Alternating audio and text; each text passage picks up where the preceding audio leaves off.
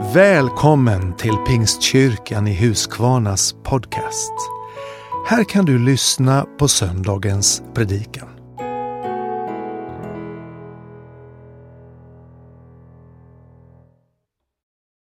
Herre, vi tackar dig för din nåd och din sanning. Vi tackar dig för att du är med oss. Du leder oss och du hjälper oss. Nu ber jag att du ska vara med i den här förkunnelsen. Amen. Så gott att få dela ett ord med, med dig som sitter där hemma och tittar på det här och följer med oss i vår gudstjänst. Så gott att få dela ett ord av hopp och ett ord av att säga att där Jesus eh, är mitt i stormen, han är med oss och han har kontroll. Det är lite som att vi lever i den upp och nedvända världen. Vi vet inte riktigt vad som händer, vi vet inte riktigt vad vi väntar oss. Eh, och vi ser någonting framför oss som vi inte har varit beredda på. Men i allt detta så tror vi också att Jesus är med oss. Vi tror att han vill leda oss varje dag. Ibland när man pratar med en, en sån här check person som, som alltid är positiv och glad så, så säger den personen, ja men du ska se att det här blir bra, det går över nästa vecka, nästa månad. Och så känner man på insidan att, ja, vänta nu, frågan är om det är så där egentligen. Frågan är om det blir så där bra som eh, den där personen säger, den där checka, glada personen. Så kan man känna att, vänta nu, på insidan här inne så kanske finns något av en storm. I varje fall tycks det vara så i vårt samhälle att det stormar lite. Det är inte som vanligt. Jag tror att Jesus vill vara med oss mitt i stormen. När stormen letar sig utifrån och in i våra liv så tänker jag att då vill också Jesus vara där. Han vill vara med oss.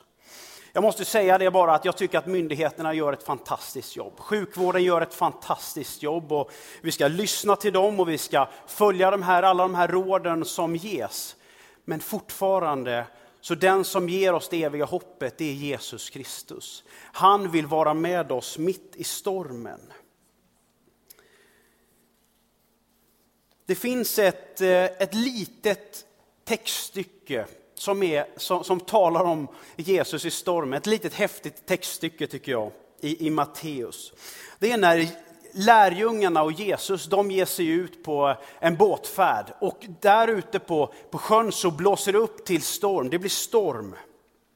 Och de här lärjungarna de har fått se Jesus. De har fått följa honom, de har fått höra om under och tecken, de har fått se sina vänner bli friska och de är vana av att se Jesus i action. De tycker att han är en väldigt, väldigt bra person. Tänk vad han kan klara av, tänk vad han är bra. Det känns ju bra att gå med honom. Men så finns det ett tillfälle då de kliver ombord på den här båten och det blir inte riktigt som de har tänkt sig. Matteus 8 och 23 står det så här. Jesus steg i båten och hans lärjungar följde med honom. Då blåste det upp till full storm på sjön så att vågorna slog över båten, men han sov. Det kom då fram och väckte honom och sade, Herre, rädda oss, vi går under. Han sade till dem, varför är ni rädda? Så lite tro ni har. Sedan reste han sig och talade strängt till vindarna och, och sjön, och det blev alldeles stilla. Männen häpnade och sade, vem är han till och med vindarna och sjön lyder honom. Helt plötsligt så är det inte någon annan som behöver hjälp. Helt plötsligt så är det inte någon annan som håller på att gå under. Helt plötsligt så är det de själva, lärjungarna, som behöver Jesus Kristus. Men han, han ligger och sover. Det var en hyfsad storm då, vågorna bara slog över båten. Men Jesus, han ligger och sover. Efter ett tag, i all den här stora paniken som sker, så kommer han på den genialiska idén. Vi väcker honom. Vilket jag tycker var väldigt bra. Det hade också varit mitt drag, kanske det första av mina drag, att väcka han som de ändå litar på mest, som de ändå trodde att han har kontrollen. Och de väckte honom. Jesus stillar stormen och just då, när han stillar stormen, så börjar de fundera på kanske lite närmare, ännu mer, eller bli, få ett förtydligande. Vem är den här Jesus egentligen? Vem är Jesus som inte bara helar sina vänner utan stillar stormen som de är mitt i? När det handlar om dem själva så fick de se ännu mer av Guds kraft. När de var mitt i stormen så fick de se att Guds kraft är på riktigt. Jesus är på riktigt. Och mitt i stormen fick de se hans kraft. De fick se mer om Jesus. Och det är just det som jag vill predika över idag. Se hans kraft mitt i stormen. Och jag vill, göra det över tre, jag vill predika över tre punkter. Kom till honom, tro som honom och gör som honom. Tre punkter och jag hoppas att de inte ska vara allt för jobbiga för oss, utan att vi ska kunna också våga gå på det som han har lovat, på de löften som han har lovat oss. Så kom till honom. Kanske är du en sån där person, precis som jag, att kan själv, gör allting själv och fråga Jesus lite längre, lite senare på vägen. Vi är ju några av oss som är på så, på så sätt, sådana personer som gör först och frågar sen. Så inser man ju att det vore bättre att fråga först och göra sen. Jesus vill att vi ska komma till honom. Han vill att vi ska väcka honom. Han vill att vi ska sträcka ut vår hand till honom och säga Jesus, jag är här, jag söker dig. Han vill att vi ständigt ska ha en kommunikation mot, mot himlen, en kanal öppen. Och de flesta av oss med handen på hjärtat, vi vet ju faktiskt hur det är. Vi gör det inte det där för tidigt. Vi eh, tala talar först till honom när bekymren kommer. Och jag tänker återigen på lärjungarna. Stormen var så stor så att till och med vattnet slog in över båten. Då väckte de honom. Då kom de till honom. Men många gånger är det så att när vi är riktigt illa ute, då väcker vi Jesus i panik. liksom. Men det är inte som han inte har varit där. Och det är ju som att även de som inte tror på Jesus, när det är panik och när man är liksom ute och man, man kan inte klara sig själv, då börjar människor be. Även om mest eh, de, de ateisterna de säger att när man inte tror, liksom, då kan man ändå söka någonting när det är panik. Och så tycks det vara. Vilket är helt okej, okay, ska jag också tillägga, därför att han vill liksom möta var och en av oss. Oavsett när vi ropar på honom så vill han möta dig och mig. Om du vill läsa mer om det så kan du läsa om rövaren på korset, om hur Jesus mötte denna man. Men det får du läsa mer om där hemma. Men Jesus mötte lärjungarna där, där de var, mitt i stormen. Och vi som kristna har många gånger erfarenheter hur det är med att Jesus svarar på våra böner. Vi har varit med om det flertal tillfällen. När vi går till honom så responderar också han. Han vill möta oss. Ändå så dröjer det tills vågorna slår över båten. Men nu är du och jag här och vi behöver vår fasta klippa. Vi behöver Jesus mitt i stormen. Oavsett om det är ett virus eller något annat så är det genom Guds ingripande som stormen stillas. Och vi är behov av den fasta klippan. För ett par veckor sedan så hade jag förmånen att få ha en riktigt god semester i Tanzania. Att bara få ligga och lapa lite sol på en sån där vit sandstrand.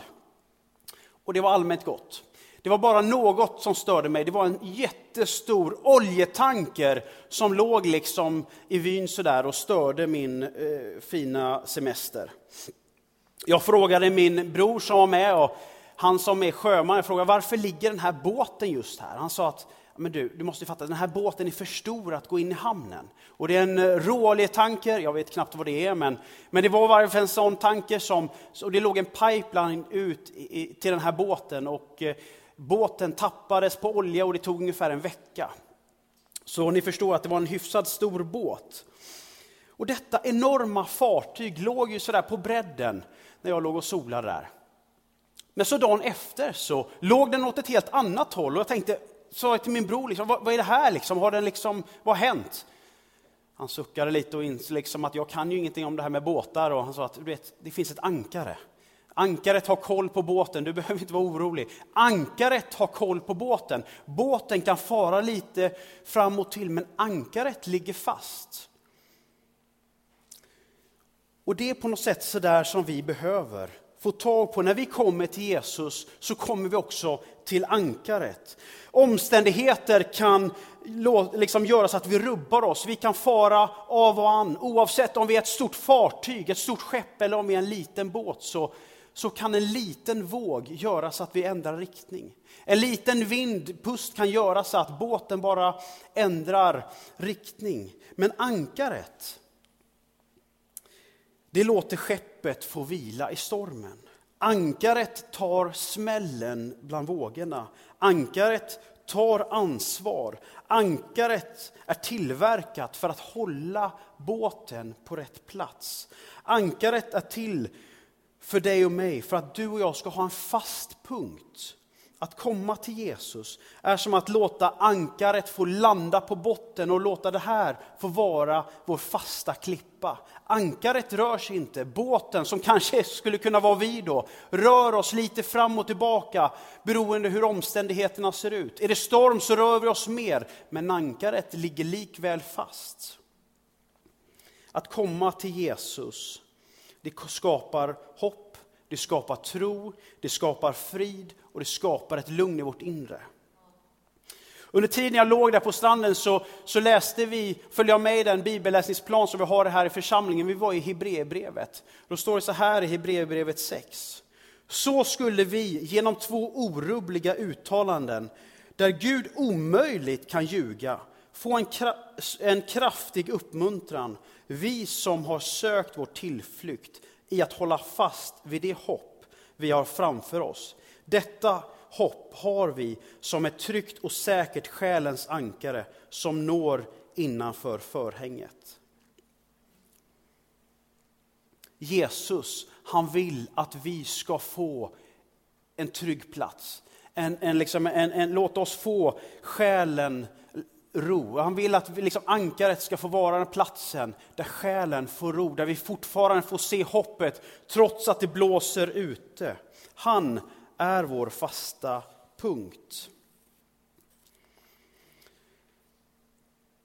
Att tro som honom kanske är något av provocerande. Vi vet ju att Jesus har liksom makten ifrån himlen. Vi vet ju att han har direkt kontakt med Gud i himlen. Och ändå så manar Jesus sina lärjungar, men tro.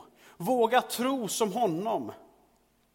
Och jag är tacksam att vi är inne i en böneperiod i vår församling. Att I mars månad så har vi bett varje dag klockan 18. Eh, och jag är tacksam att vi, vi gör detta, därför att jag vet, jag är så övertygad om att bön skapar tro. Predikan skapar tro. Att mötas med, med sina trosyskon, att mötas med, med andra kristna, det skapar tro, det bygger någonting. Och vi i den här tiden behöver vara med och bygga upp vår tro. Vi i den här tiden behöver vara med och bygga upp för att vi ska kunna ge vidare. I den här tiden så tror jag inte vi bara behöver tro om de små bönerna, utan vi behöver lära oss att be de järva bönerna. Vi behöver inte vara rädda för att be de vardagliga bönerna, men vi behöver inte heller vara rädda för att be böner som förvandlar vår, vår, vår stad, vårt land, vår värld. Jesus lär oss att be för så mycket. Han lär oss att be frimodigt. Och som sagt så ska vi vara med och fortsätta be för alla beslutsfattare i vårt land. Första Timoteusbrevet 2 säger så här. Först av allt uppmanar jag till bön, åkallan, förbön och tacksägelse för alla människor, för kungar och för alla i ledande ställning, så att vi kan leva ett lugnt och ett stilla liv, på alla sätt gudfruktigt och värdigt. Detta är gott och rätt inför Gud, vår frälsare som vill att alla människor ska bli frälsta och komma till insikt om sanningen. När jag läser det här så bara, det slår mig att bön gör skillnad. Bön skapar tro, bön skapar hopp. Och just den här tron är att vi får komma till honom. Ibland är det just i den pressade situationen som du och jag upplever där din tro blir som störst. Det är kanske inte där du står på barrikaderna, utan för att du endast har Gud. Det är inte den där platsen där du liksom står med alla andra, utan den här gången när du endast har Jesus att hålla i. Kanske då blir det din tro som störst. Det är inte den perfekta bönen som gäller, utan ett ärligt hjärta som är vägen. Se på Jesus, be till Jesus och få tro som Jesus. Det står så här om, eh, om tro på ett fantastiskt sätt i Lukas 8. På vägen dit trängde sig folkmassorna nära Jesus. Där fanns en kvinna som hade haft blödningar i tolv år och inte hade kunnat bli botad av någon. Hon kom bakifrån och rörde vid hörntofsen på hans mantel, alltså Jesus mantel. Och genast stannade hennes blödning. Jesus frågade, vem var det som rörde vid mig? Alla nekade och Petrus sade, Mästare, hela folkmassan tryck, eh, trycker och tränger sig in på dig. Men Jesus sade, någon rörde vid mig. Jag kände att kraft gick ut ifrån mig. När kvinnan insåg att hon var upptäckt kom hon darrande fram och föll ner för honom.